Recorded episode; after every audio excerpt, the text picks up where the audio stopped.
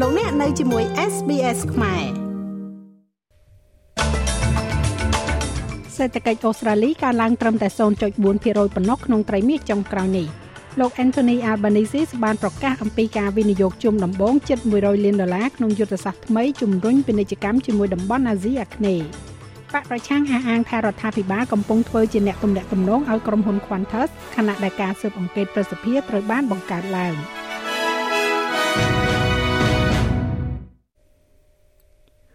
លោក Heranyck Jim Chalmers បានភ្ជាប់កំណើនសេដ្ឋកិច្ចយឺតរបស់អូស្ត្រាលីនៅក្នុងត្រីមាសខែមិថុនានេះទៅនឹងបញ្ហាសេដ្ឋកិច្ចពិភពលោក ជាពិសេសការធ្លាក់ចុះនៃសេដ្ឋកិច្ចនៅក្នុងប្រទេសចិនសេដ្ឋកិច្ចអូស្ត្រាលីបានកើនឡើង0.4%នៅក្នុងត្រីមាសខែមិថុនានេះតួលេខគណនេយ្យជាតិចុងក្រោយបំផុតបង្ហាញពីអត្រាកំណើនយឺតនេះគឺដូចគ្នាទៅនឹងត្រីមាសមុនដែរបន្ទាប់ពីតួលេខនេះត្រូវបានគេកាត់កន្ទុយក្បៀសឡើងចោល។ ការនាំចេញនៅមូលធននិងការនាំចេញនៅសេវាកម្មបានជំរុញឲ្យមានកំណើននៅក្នុងត្រីមាននេះផ្អែកទៅលើមូលដ្ឋានប្រចាំឆ្នាំសេដ្ឋកិច្ចបច្ចុប្បន្នកំពុងតែកើនឡើងក្នុងអត្រា2.1%នៅក្នុងមួយឆ្នាំ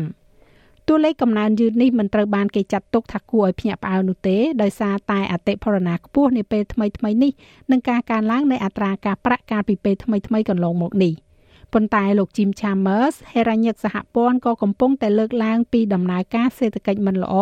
របស់ដៃគូពាណិជ្ជកម្មដ៏ធំបំផុតរបស់ប្រទេសអូស្ត្រាលីនោះគឺប្រទេសចិនដែលជាកត្តាដ៏ចម្បងមួយ Uh, so all up, uh, this is a steady and a sturdy result. ដូច្នេះសរុបមកនេះគឺជាលទ្ធផលដែលមានស្ថិរភាពនិងរឹងមាំនៅក្នុងកលៈទេសៈដ៏លំបាកនៅតែមានភាពមិនច្បាស់លាស់ជាច្រើននៅក្នុងសេដ្ឋកិច្ចពិភពលោកជាមួយនឹងការធ្លាក់ចុះនៅក្នុងប្រទេសចិនដែលដើរតួនាទីកាន់តែធំនៅក្នុងនោះ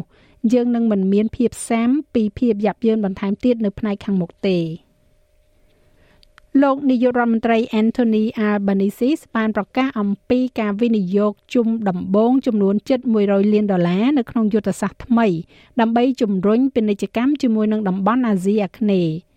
លោក Albanese បានបង្ហាញនៅយុទ្ធសាស្ត្រសេដ្ឋកិច្ចអាស៊ីអាគ្នេយ៍របស់អូស្ត្រាលីដល់ឆ្នាំ2040នៅក្នុងកិច្ចប្រជុំកំពូលអាស៊ាននៅទីក្រុងហ្សាកាតានៅថ្ងៃនេះ។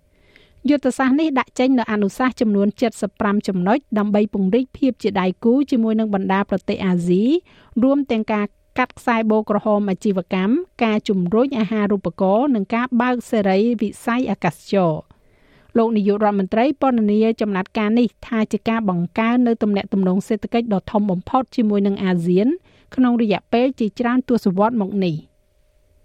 Today I announce our government strategy for the most significant ថ្ងៃនេះខ្ញុំសូមប្រកាសអំពីយុទ្ធសាស្ត្ររបស់រដ្ឋាភិបាលរបស់យើងសម្រាប់ការធ្វើឲ្យប្រសើរឡើងដ៏សំខាន់បំផុតនៃការចូលរួមផ្នែកសេដ្ឋកិច្ច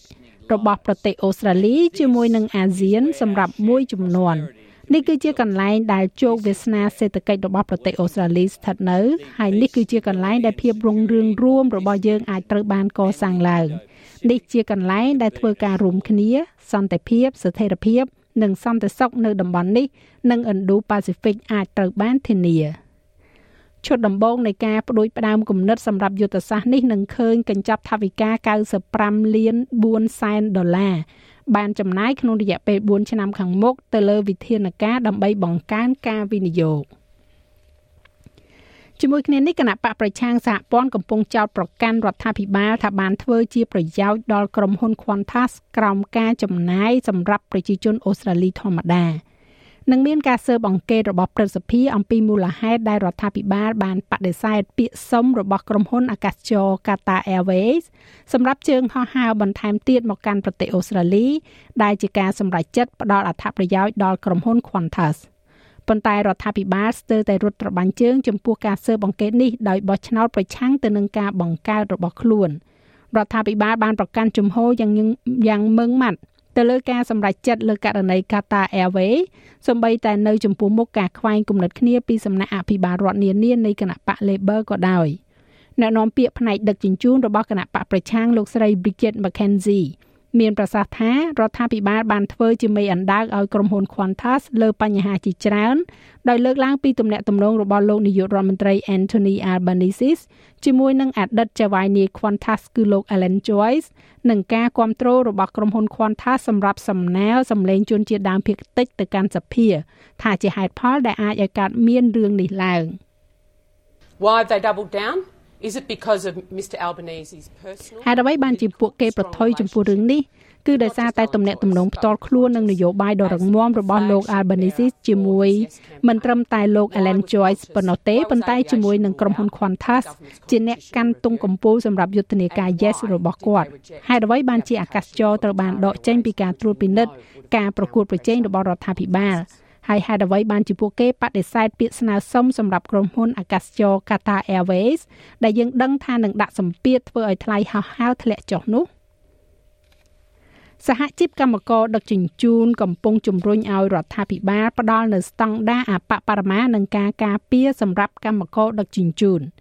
សហជីពកំពុងលើកមកនៅករណីមួយក្នុងនាមជាក្រុមគ្រួសារអ្នកដឹកជញ្ជូនអាហារ3នាក់ដែលបានស្លាប់នៅក្នុងគ្រោះថ្នាក់នៅទីក្រុងស៊ីដនី។ ករណីមួយក្នុងចំណោមករណីដែលសហជីពកំពុងតំណាងឲ្យនោះគឺជាការស្លាប់របស់បុគ្គលិក Uber Eats លោក Burak Dogan ដែលជានិស្សិតជនជាតិទួរគីដែលបានស្លាប់នៅពេលជិះកង់អគ្គិសនីក្នុងឆ្នាំ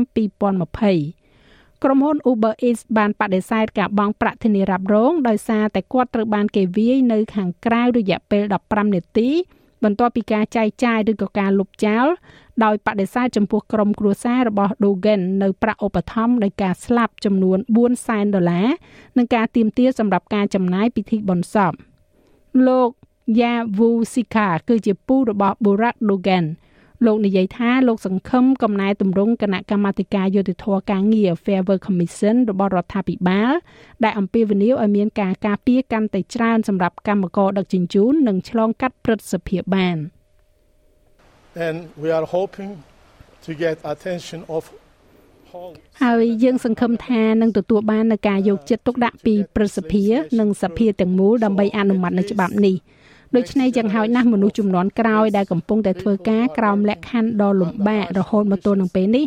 នឹងទទួលបាននូវជីវភាពកាន់តែប្រសើរហើយលក្ខខណ្ឌជាមួយនឹងមនុស្សកាន់តែច្រើននឹងត្រូវបានអនុវត្តហើយពួកគេអាចមានជីវិតកាន់តែប្រសើរឡើង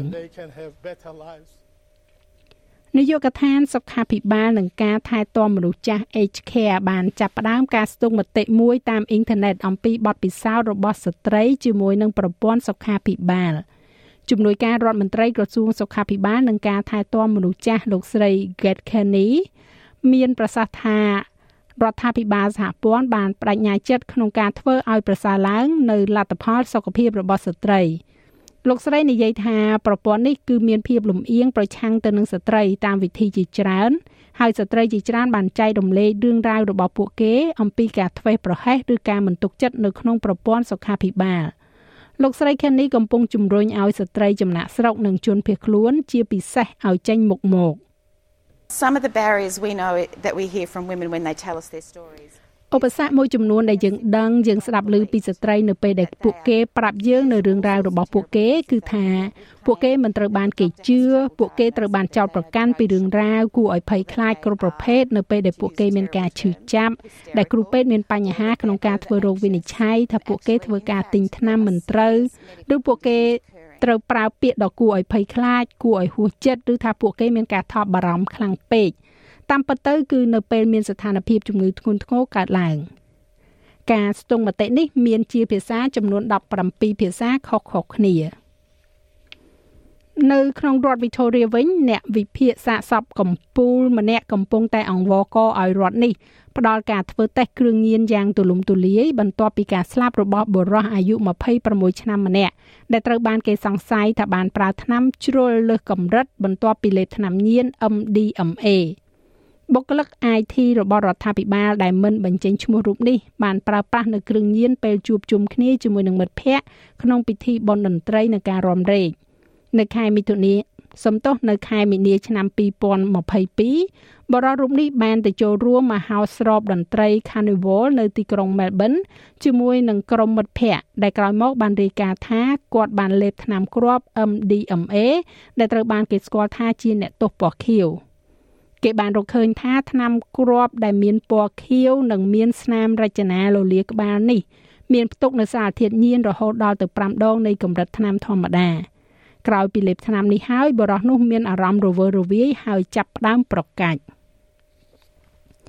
នៅប្រទេសកម្ពុជាវិញក្រសួងការងារនិងបណ្ដុះបណ្ដាលវិជ្ជាជីវៈបានដឹកនាំកិច្ចប្រជុំក្រុមប្រឹក្សាជាតិ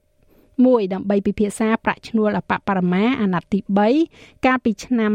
សំទោសកាលពីថ្ងៃច័ន្ទទី4ខែកញ្ញាដើម្បីធ្វើការចរចាប្រាក់ខែបុគ្គលិកកម្មករកាត់ដេរនៅកម្ពុជាសម្រាប់ឆ្នាំ2024លោកហេងសួររដ្ឋមន្ត្រីទៅឡើងថ្មីរបស់ក្រសួងការងារនិងបណ្ដុះបណ្ដាលវិជ្ជាជីវៈ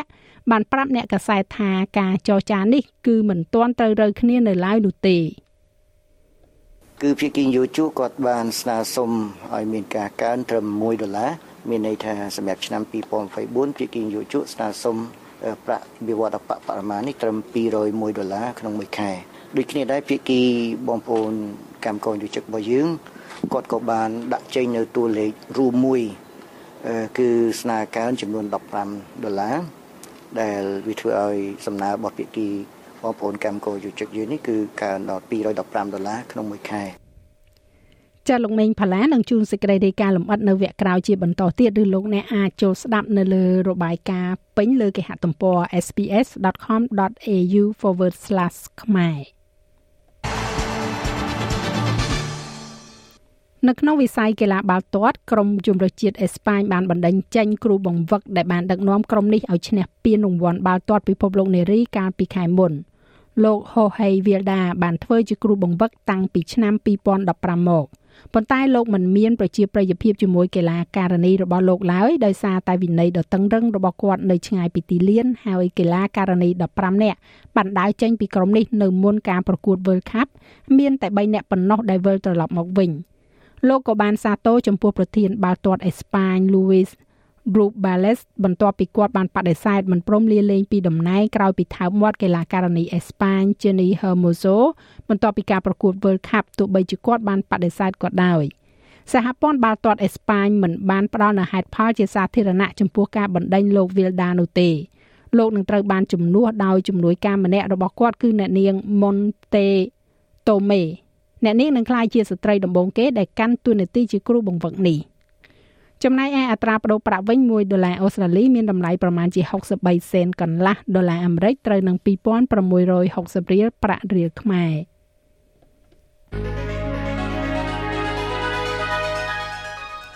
យើងក៏លេខមកមើលការព្យាករណ៍អាកាសធាតុសម្រាប់ថ្ងៃប្រហ័សស្អែកនេះវិញទីក្រុងផឺតបើកថ្ងៃ20អង្សា មានរលឹមនៅអាដាលេដ15អង្សាមែលប៊នរលឹមខ្លាំងឡើង ហើយមានខ្យល់20អង្សា ហូបាតរលឹមបន្តិចបន្តួច20អង្សាខេនបារ៉ារលឹមខ្លាំងឡើង23អង្សាស៊ីដនីបើកថ្ងៃ25អង្សា Brisbane មានពពកដោយពេល27អង្សា នៅ Cairns ពពក30អង្សា Darwin បើកថ្ងៃ33អង្សា និងនៅភ្នំពេញមានផ្គររន្ទះរាយប៉ាយ33អង្សា